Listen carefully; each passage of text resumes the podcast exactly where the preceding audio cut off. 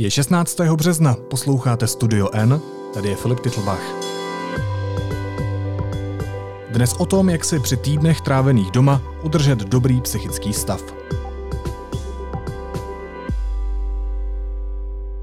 Stejně jako ostatní, i my v Deníku N se snažíme chránit svůj zdravotní stav a zdraví ostatních, takže respektujeme vládní nařízení o omezení pohybu a pracujeme z domova. Proto tedy rozhovory v následující době budou v našem podcastu bezkontaktní, budeme je natáčet přes různé komunikační platformy, takže se omlouvám, že ta kvalita zvuku asi nebude úplně taková, na kterou jste v tomto podcastu zvyklí, ale důležité je, že Studio N pokračuje, budeme dál nabízet investigativní témata, aktuální zprávy i jízlivé poznámky. Akorát se může stát, že mi při natáčení skočí kočka na stůl nebo že zazvoní soused, ale o toto asi bude zajímavější. Děkujeme všem, kteří nás podporují, ať už formou předplatného nebo i tím, že o nás dáváte vědět dál, nebo že náš podcast ohodnotíte v aplikaci Apple Podcasty. Velká část populace zůstává kvůli nákaze koronaviru nuceně doma, ať už je to kvůli karanténě, nařízenému home officeu eh, nebo kvůli samotné nemoci. Pobyt venku by měli tak jako tak omezit úplně všichni, aby nemoc nešířili. Co se ale děje s mentálním zdravím a jak zabránit psychickým potížím, pokud takový stav potrvá týdny nebo měsíce, o tom bude řeč s psychologem Daliborem Špokem. Dalibore, dobrý den, zdravím vás. Dobrý den. Řekněte mi na úvod, jak dneska vlastně fungují psychologové, když by se neměli stýkat se svými klienty?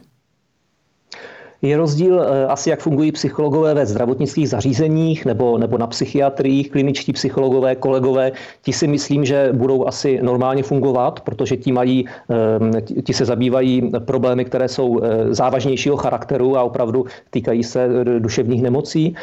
My jako psychologové soukromí, psychologové soukromí, tak dáváme přednost spíše konzultacím po Skypeu nebo prostřednictvím online řešení, tak jako teď my dva si povídáme, anebo někteří někteří, jako třeba já, tak přechodně jsme omezili eh, nebo zrušili klienty vůbec, protože zase já mám tu zkušenost, že někdy ten, ten online kontakt není tak kvalitní v té psychologické práci, jako, jako ten kontakt naživo. No na to jsem se chtěl právě zeptat, jaký je v té terapii rozdíl, když děláte naživo s tím člověkem přímo v místnosti a když se s ním spojíte třeba po Skypeu?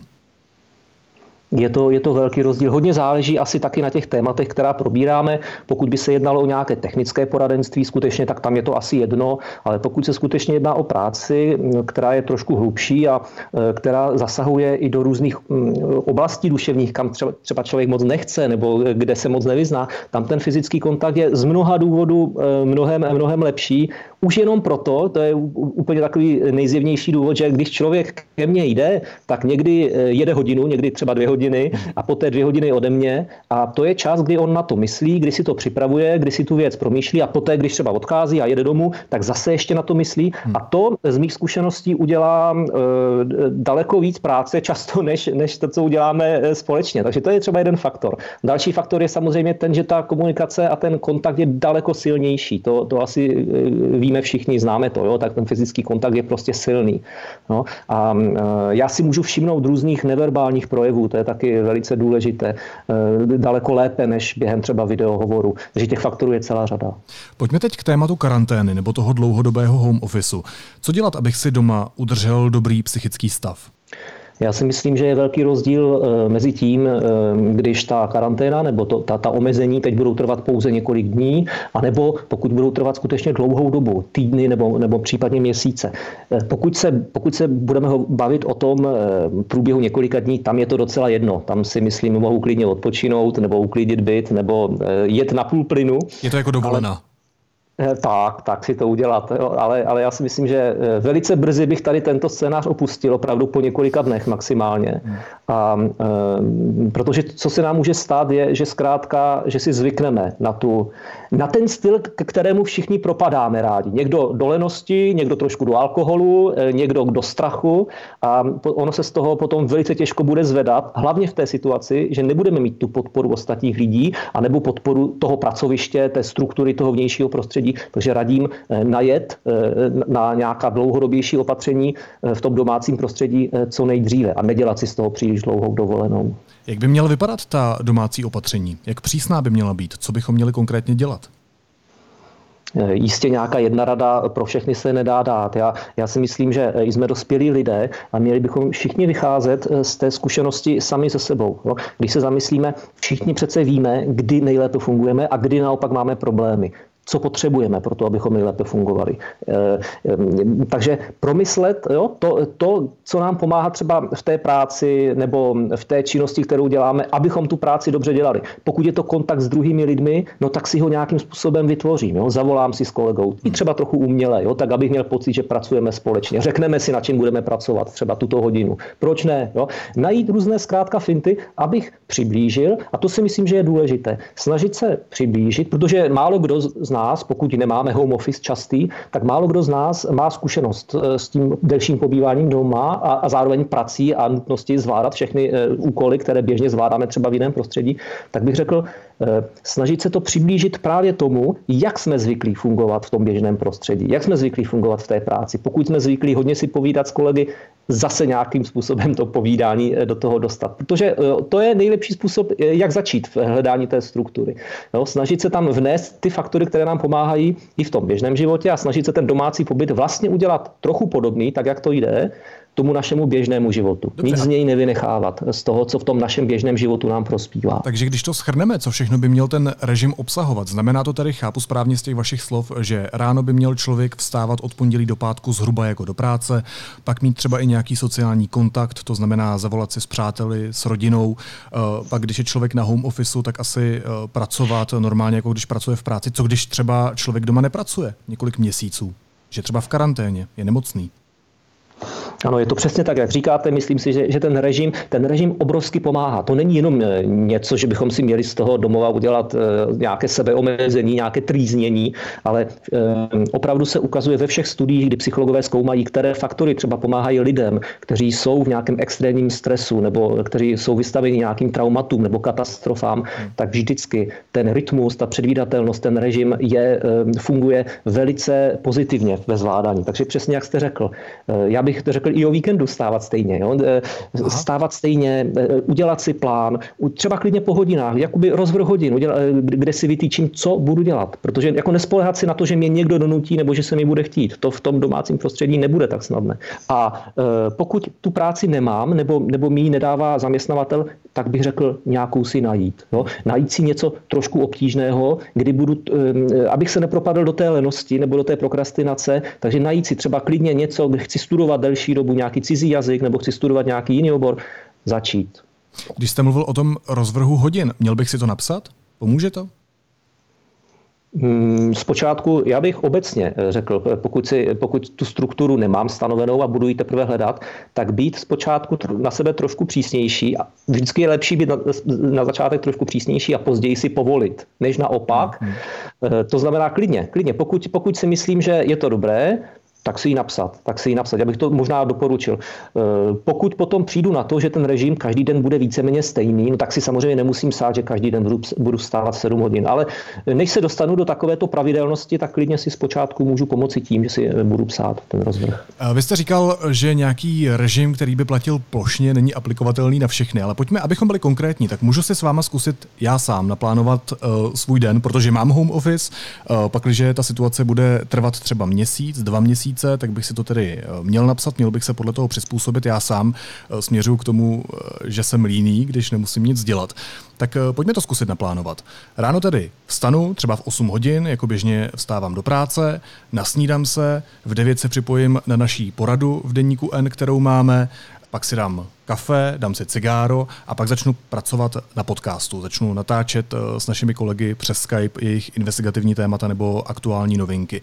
Co když tu práci dodělám? Mám se chovat jako, eh, když normálně přijdu z práce domů? Tak, já, já myslím, že na to jdete dobrým směrem. To znamená, nejprve si přesně zaznamenám, tak, jako, tak jak tu strukturu už víceméně mám, tak jak jsem zvyklý eh, z práce, jo, nebo jak už ta moje struktura v životě probíhá. To si zaznamenám a já se k té vaší otázce vrátím. Ale myslím si, že druhá věc, kterou ale ještě musím udělat dřív, vy jste začal hned plánováním v čase. Jo? To, je, to je příliš už možná krok e, následující. Na začátku musíme spíše vědět, co do toho času obsadíme, jo? co všechno tam dát.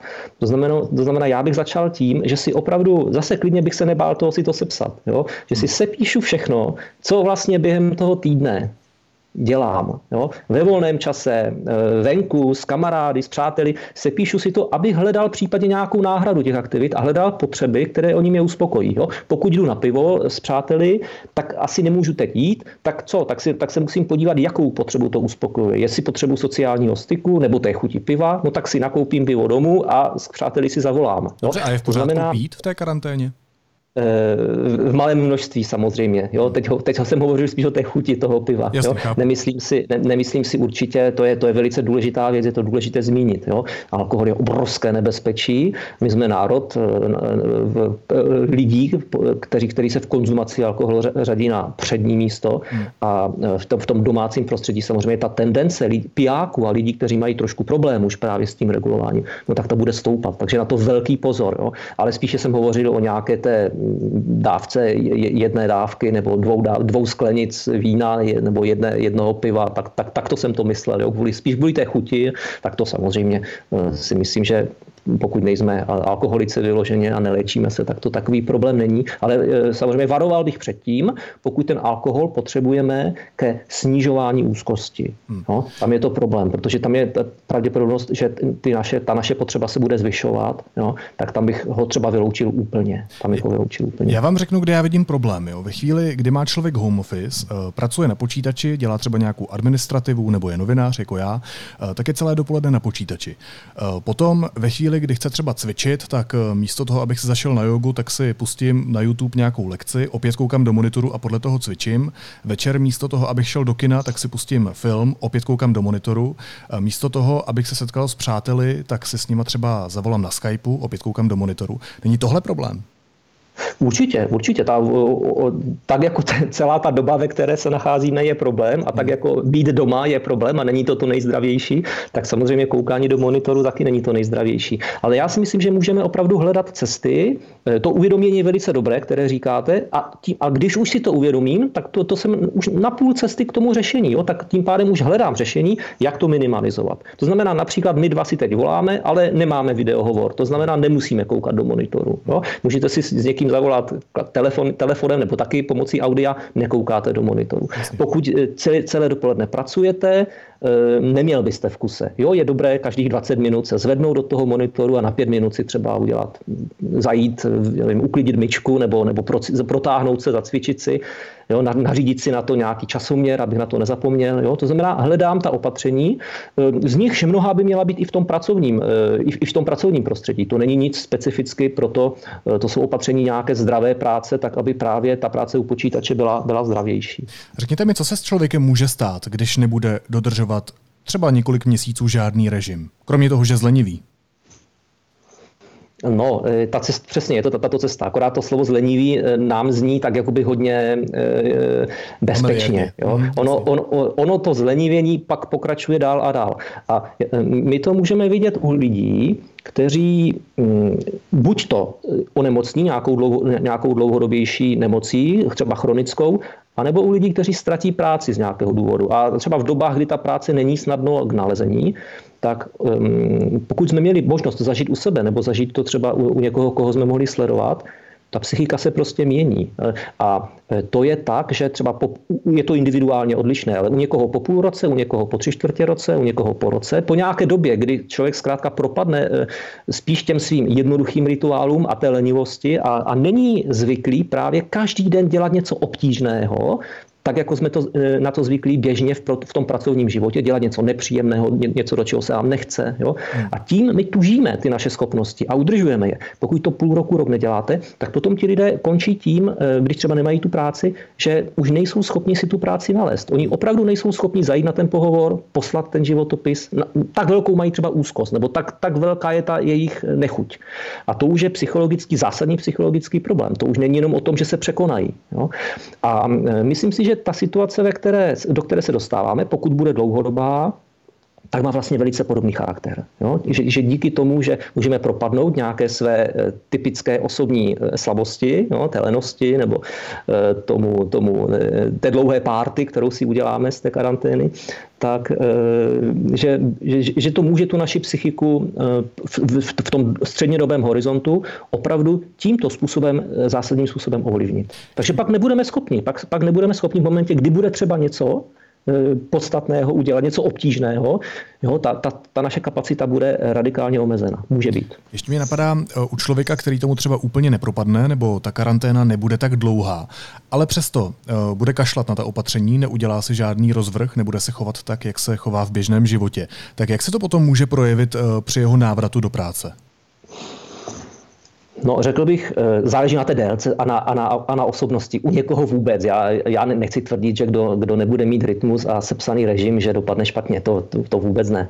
No, záleží na osobnosti, ale nikdo z nás neví, eh, jak, jakou tu osobnost až, až tak máme a do jaké míry ten stres dokážeme, dokážeme snést. Jo? Dopředu to nelze moc předvídat, takže já bych byl spíše opatrnější. To, co hrozí, to, co hrozí, je eh, to tež, co hrozí člověku, který se vrací z hodně velké dovolené, z hodně dlouhé nemocenské, anebo třeba maminky po mateřské dovolené. Jo? A když se s nimi bavíte, tak ti lidé jako se moc netěší do té práce. Spíše mají pochyby. Jo? Mají pochyby o tom, jestli to zvládnou, mají pochyby o tom, eh, jestli um, jejich schopnosti jsou dostatečné. Protože prostě správně cítí, že tak, jak se, se demonitorují, že šly ty, mnohé ty schopnosti důležité dolů. Takže jo? přichází pocity méněcenosti? Může to tak být. Je to hodně individuálně odlišné. U někoho méněcenosti, u někoho úzkosti, u někoho nějaké rozmrzelosti, u někoho deprese. Podle toho, k jakým pocitům inklinujeme osobnostně. Je to různé samozřejmě. Pojďme teď k aktuálnímu dění. Jak podle vás na většinovou společnost působí ty přísné kroky vlády, když je sledují v televizi?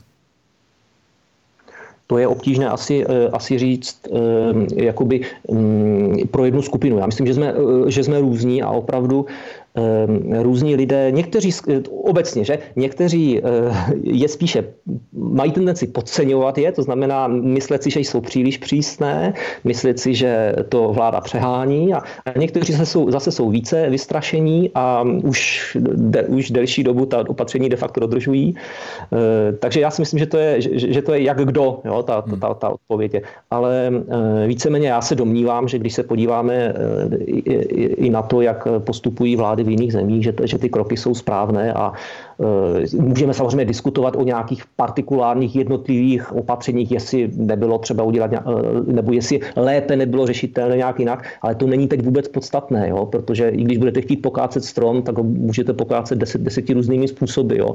ale e, důležité je ho pokácet a myslím si, že trošičku bychom měli taky tolerovat to, že je to prostě výjimečná situace pro všechny, i pro ty zdravotníky, i pro vládu, i pro exekutivu, i pro státní úředníky, i pro tu policii. Jo? To, to si musíme uvědomit. To nemůžeme mít, nemůžeme mít to, mm, bohužel, tak jak to u někoho vidím, takové to přemýšlení hodně možná, které ještě si bereme z té, z té totality, takové to, že stát všechno vyřeší jo? a že to má Babiš všechno zařídit a že, a že prostě nemocnice mají být připravené. No hold, všichni v tom jsme stejně. To, to, to není tak, že to někdo za nás vyřeší. Jo? Všichni, všichni na tom participujeme na té situaci teď. Vy si myslíte, že to pochází z té totality? To, vlastně toto přemýšlení, že se o nás má někdo postarat. Tento, ten, jo, tento, tento modus, protože to, to samozřejmě bylo to, co, eh, co je socialismus, jo, že stát se postará, tak já si myslím, že u mnohých lidí, eh, mnozí lidé mají příliš, přílišná očekávání eh, od toho, co, co je stát schopen v takto krátkém horizontu několika dní udělat. No právě mě to spíš naopak, nebo ta netečnost mě překvapuje z toho důvodu, jaké máme společenské zkušenosti, že tady se omezuje svoboda a vlastně neslyšíte moc kritické hlasy. Hmm, to je otázka asi taky, eh, na kterých, ve kterých skupinách jste. Jo? Já, si, já si myslím, že ty kritické hlasy tady budou, ale zase eh, záleží, záleží v jakých subkulturách, v jakých skupinách se vyskytujete. Jo? Někdo, ně, někdo prostě eh, je určitě má, ale třeba nejsou tak slyšet, protože nejsou tak viditelné na sociálních sítích a tak dále. Jo? Ale myslím si, že to je správné, že, že to je správné, protože jako všem nám dochází, všem nám dochází, že ta situace vážná je. Hmm. Tady samozřejmě druhý druhým dechem dodávám, že ta opatření jsou potřeba, protože se nacházíme v mimořádné eh, situaci, tak aby jsem nebyl pochopený špatně. Vy jste mluvil o strachu. Jakou roli v tomhle celém příběhu u nás, u lidí, hraje strach? V tuto chvíli si myslím, že ještě ne až tak velkou, ale já to riziko, to riziko vidím eh, v té, v té potencialitě, v té možnosti, že opravdu může vzniknout nějaká panika. Eh, nemyslím jenom, jenom paniku v tom smyslu, že začneme vykupovat obchody, ale skutečně i panika na individuální úrovni. Eh, my opravdu nejsme schopni být věžci a předvídat se, jak se, jak se budeme cítit dneska, zítra, za týden, pokud ta opatření budou pořád stejná. A teď, a teď se může skutečně stát, že někdo z našich blízkých onemocní jo, a možná onemocní přímo koronavirem. Někdo z našich blízkých může eh, být na tom být v velice špatném stavu. Někdo z našich blízkých budeme asi brzy znát každý někoho, eh, pokud se nepodaří tady tu epidemii rychle zastavit, eh, kdo bude takto nemocný nebo možná i kdo zemře. A teď v tuto chvíli samozřejmě potom ten strach to už je, to už je jiná úroveň strachu. No. Takže myslím si, že v tuto chvíli eh, jako významnou roli nehraje, ale měli bychom se, měli bychom se na to připravit. Jo. Vždycky zase psychologické studie ukazují, že když jsme připraveni i na nějaký pocit, i na nějakou bolest třeba, jo, to, to, u zubaře to můžeme zažít. Zubař, dobrý zubař nám řekne, teď to trochu zabolí. Jasně. A, a díky té přípravě my, my jsme schopni snést tu emoci eh, lépe. To znamená, pojďme se na to připravit, že toto může přijít a pojďme samozřejmě eh, si nemyslet, že jsme mistři světa a že všechno zvládneme. Pojďme být spíše opatrní na sebe a, a, a jak říkám, udělat si ten rytmus, udělat si tu předvídatelnost, udělat si ten režim, zařadit nějaký pohyb. Jo? Vše, všechny zkrátka ty faktory, které se běžně ve všech časopisech doporučují na to, aby člověk trošku snížil stres, jo? spát dostatečně, vynechat alkohol ve, ve větší míře a tak dále. Pojďme to nasadit teď. Vždycky když to zjistíme, že je to přehnané, můžeme si trochu povolit. Jo? Ale opačně, v momentě, kdy se dostaneme do nějakého záchvatu paniky, to už je dost pozdě potom začít s tím něco eh, efektivně dělat. No ale pak je tady druhá věc. Zajímá mě, jak se připravit. To znamená představit si ty nejhorší scénáře, protože určitě je mezi námi mnoho lidí, kteří pak v těch myšlenkách budou pokračovat dál a můžou skončit v bludném kruhu e, nějaké větší paniky. Omlouvám se za ty zvuky, to jsou moji kocouři, kteří tady běhají tak eh, domácí zvíře je například zrovna jeden, jeden eh, zase z výzkumu ukazuje eh, jeden zásadní faktor, který snižuje stres, takže třeba takto. Tam se nejedná o to promýšlet samozřejmě, jedná se o to zůstat nějaký přiměřený ve všech těchto vnitřních operacích. To znamená, ani o tom moc přemýšlet, o tom, co se všechno může stát, jo, a tím si rozjet nějakou úzkost, ale zároveň ani se před, nevyhýbat té myšlence, protože e, pře, přehnané vyhýbání se nějakému tématu může rozjet úzkost úplně stejnou. Hmm, hmm. To znamená, co já doporučuji, pokud vy se teď ptáte na to, jak to dělat s myšlenkami, samozřejmě, že ta hlavní opatření, jak redukovat strach, jsou e, v jiných faktorech. Jo? Mít dobrý sociální kontakt, mít rozvrh dne, dobře se hýbat, dobře se vyspat a tak dále. Ale co se týče myšlenek, tak eh, tam bych řekl snažit se prostě být v nějaké střední zdravé přiměřenosti. Já doporučuji všem opravdu si třeba promyslet, a udělat si krizové scénáře. Jo? Vymyslet si, co, budu dělat, co bych dělal, kdybych ztratil práci, kdybych se dostal do finanční krize, kdybych onemocněl, jo? nebo kdyby onemocněl někdo z mé rodiny, klidně i koronavirem. Jo? Co bychom dělali, jaké by byly ty kroky. Jo? Tak to si to prostě promyslet, ale ne, ne samozřejmě, abych tím strávil dny a hodiny a týdny přemýšlení. Jo? Prostě si to eh, takto naformulovat, sepsat si to třeba, sepsat si nějaké důležité kontakty, jo? vytvořit si takové krizové kontingenční plány, to může velice pomoct, když vím, že je mám a potom už na to samozřejmě nemyslet v momentě, kdy si je, kdy si je promyslím. Jo. Takže takto například. To znamená a počítat s tou možností počítat s tou možností a připravit se na něj, nejenom připravit ve smyslu emočního, že může přijít, ale připravit se na něj trošku i v, i v tom smyslu jako opravdu plánu, co bych dělal, jo? Hmm. komu bych zavolal, um, komu bych svěřil kocoury a tak dále. Eh, ještě jedna věc, co si myslíte o mediálním pokrytí? Jak může právě tenhle, a on je masivní přísun zpráv, ovlivnit uh, tu naší psychickou pohodu? Eh, ten masivní přísun zpráv samozřejmě pak už negativně. Jo? Eh, média, média jsou samozřejmě obrovsky užitečná v tuto, v tuto chvíli a my je využíváme a potřebujeme využívat, protože eh, informace, které získáváme, nám pomáhají samozřejmě zvládat. Čím více dobrých informací máme, tím menší máme úzkost. Hmm. Ale samozřejmě to platí zase do nějaké pouze střední míry a když množství těch informací tu, tuto míru přesáhne, a to není už zodpovědnost médií až tak, oni, oni zkrátka fungují, protože jsme v době, v jaké jsme. To znamená, oni, on, oni musí informovat co nejčastěji a co nejrychleji. Je to spíše o tom sebeomezení, je to spíše o tom, abychom e, nechodili na ty spravodajské servery každých 10 minut. Jo. Tam, protože i když nechodíme na bulvár nebo chodíme na, na dobré spravodajské weby, přece jenom to, to, co už nám škodí, není ta kvalita informací nebo nějaké fake news, ale spíše to množství. Jo. To, protože opravdu ty, ty, ty zprávy neustále přibývají a zkrátka naše psychika to vnímá, že, v tom, že to množství znamená, že teda ta situace je horší a horší a horší. To znamená, doporučuji nějakou hygienu, jo, omezit se nebo říct si, kolikrát denně se půjdu zkontrolovat weby nebo kolikrát denně si pustím zprávy. Jo. Není třeba to hltat pořád. Tím si, tam je velice důležité si uvědomit, že prostě když se vystavíme takovému prostředí, jo, kdy budeme hltat každou negativní zprávu a, a, a každou zprávu, kdy se ještě neví a kdy se čeká, jak to dopadne, no tak my, my, my potom v, tomto, v, tom, v této atmosféře budeme žít i vnitřně, jo, té nejistoty a tím si ji budeme zhoršovat. Jak to pak vypadá? Vypadá to tak většinou, že se, že, se, že se lidé, kteří mají tuto tendenci, pak propadnou, eh, propadnou do takové, řekněme, až závislosti právě na těch sociálních sítích, na těch médiích eh, a neustále, je, je to podobná závislost jako každá jiná. Je to to tež jako ta vlastně závislost na alkoholu, nebo pokud někdo má nějaké, nějaké, nějakou obsesi, že si například pořád, že má strach o, o čistotu a pořád si potřebuje mít ruce, jo, 100krát, 200krát denně, tak to je velice podobné. Jo. Máte natolik, eh, natolik velkou úzkost a jediný způsob, jak jste schopen tuto úzkost řešit, je tím, že jdete tam, co vám de facto nakonec tu úzkost vyvolá. To znamená, jdete konzumovat e, další média, to vám na chvilku tu úzkost jakoby sníží, ale de facto vám tady ten kanál, to jsou ty dopaminové kanály, e, dopaminový systém odměn, se to nazývá v té neurobiologii, tak de facto v tuto chvíli se vám vylije dopamin a on posílí tu dráhu. To znamená, že máte tendenci příště tu úzkost řešit stejným způsobem. A to je začarovaný kruh právě těch obsesivních úzkostí.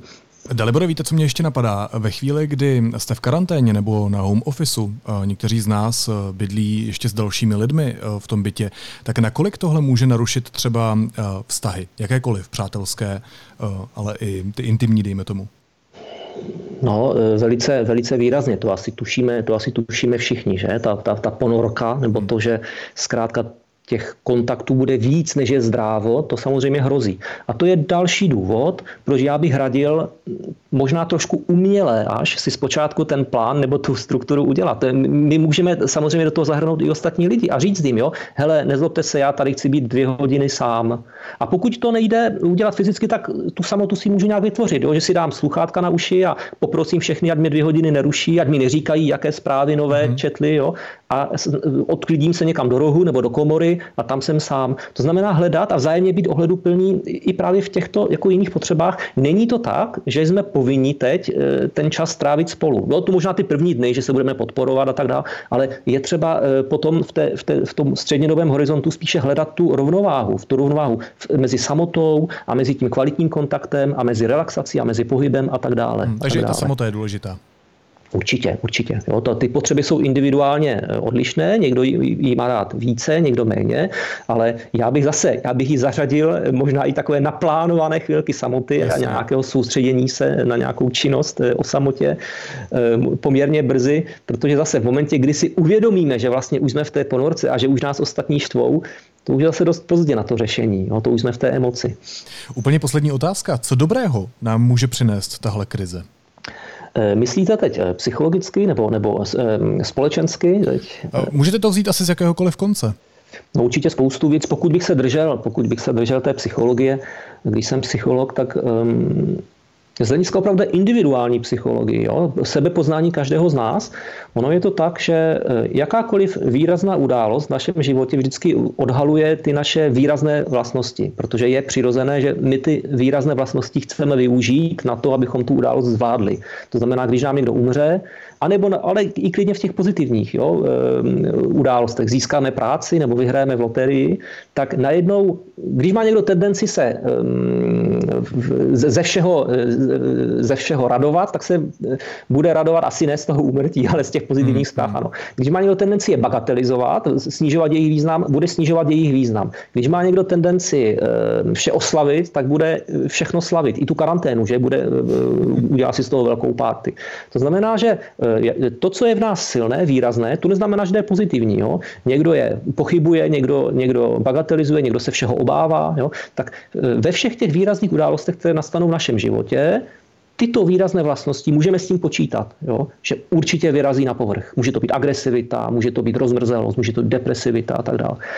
A to je samozřejmě obrovský, obrovská příležitost pro eh, sebepoznání jednak, ale jednak i pro to naučit se je zvládat, protože my je musíme, samozřejmě my musíme akceptovat, to nemá význam je, nemá význam je nepřiznat si, to, by, to bychom pro sebe udělali to nejhorší, co můžeme. My si je musíme přiznat, ano, já jsem agresivní, ano, já jsem ten konfliktogenní, jo, mám, mám, mám, mám snahu být rozmrzelý ve vztazích, ale teď se musím naučit něco s tím dělat. Jo. A to je obrovská příležitost, která právě díky té, omezenosti té doby, do které přicházíme, tak e, ta příležitost je o to větší, protože to mě donutí se s tím naučit něco dělat. Jo. Takže psychologicky já e, nejenom, že se poznám, ale že se můžu učit a skutečně řídit tyto své eh, vlastnosti, které mi třeba v mnohem můžou prospívat, ale můžu, můžu se dostat do, taky do situací, kde ty též vlastnosti, jo, ta bagatelizace, nebo ta opatrnost, nebo ta pochybovačnost, hmm najednou zjistím, že mi škodí. No. A to se a, a budeme mít obrovskou příležitost samozřejmě se toto učit.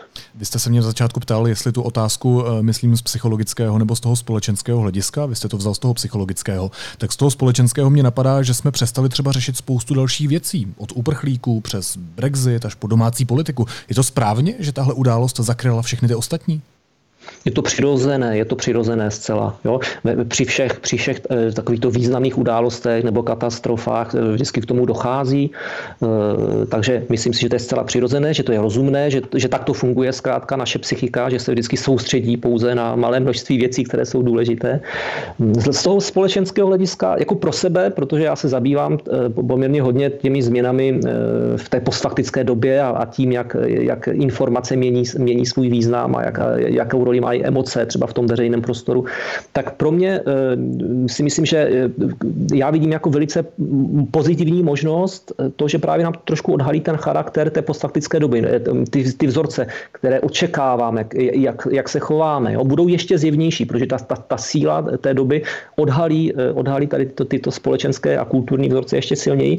A pro mnohé, pro mnohé lidi to může být pozitivní v tom, že si skutečně uvědomí například to, co jsem říkal o, o tom mediálním prostoru nebo o sociálních sítích, jo, že na nich nesmí trávit zkrátka tolik času. No, a budeme hledat tu přiměřenost, ze které jsme se podle mého názoru v té naší postfaktické době právě v některých aspektech života trošičku, eh, trošičku dostali eh, mimo, mimo zdravé hranice. Hostem studia N byl psycholog Dalibor Špok. Dalibore, moc děkuji za rozhovor, mějte se hezky. Já děkuji za pozvání a mějte se dobře. Pěkný den. Teď jsou na řadě zprávy, které by vás dneska neměly minout.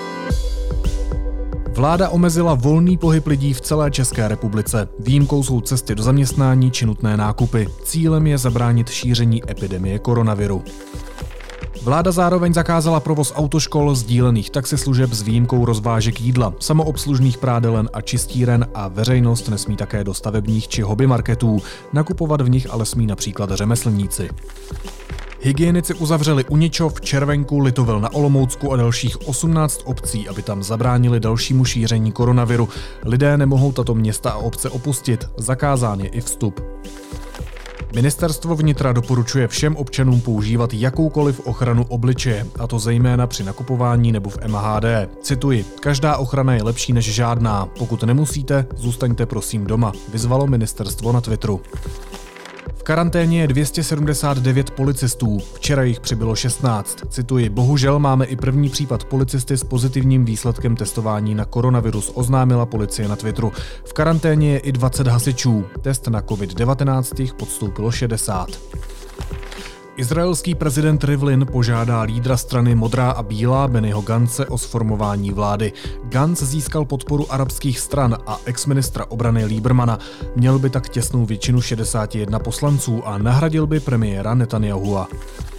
Ruská policie zadržela na akci Pohřeb ústavy v Petrohradě nejméně 20 lidí. Účastníci přicházeli k budově ústavního soudu a kladli tam květiny. Protestovali proti změnám ústavy, které prezidentu Putinovi umožní se trvat v nejvyšší funkci. A protože těch informací, které dostáváte, převážně negativních, je velké množství, tak alespoň trochu něco pozitivnějšího. Ano, nic pozitivnějšího než jízlivou poznámku nakonec už dneska neuslyšíte. Vláda včera před půlnocí na tiskové konferenci oznámila, že zakazuje volný pohyb lidí v celé republice. Ještě předtím, než dostal slovo ministr zdravotnictví, aby se vyjádřil ke koronaviru, promluvila k národu s chápajícím výrazem v očích Alena Šilerová a začala mluvit o daňových přiznáních EET a vzkázala, že nám všem všechno promine. Prominu veškeré eh, pokuty z pozdního podání daňových přiznání nebo hlášení. Prominu plošně správní poplatky vyplývající z žádostí, které by byly spojeny eh, s posečkáním nebo s prominutím. Prominu... Takto hluboký, nižný mateřský projev na téma finance jsem ještě nikdy neslyšel. Takže skutečně nebojte se. Naslyšenou zítra.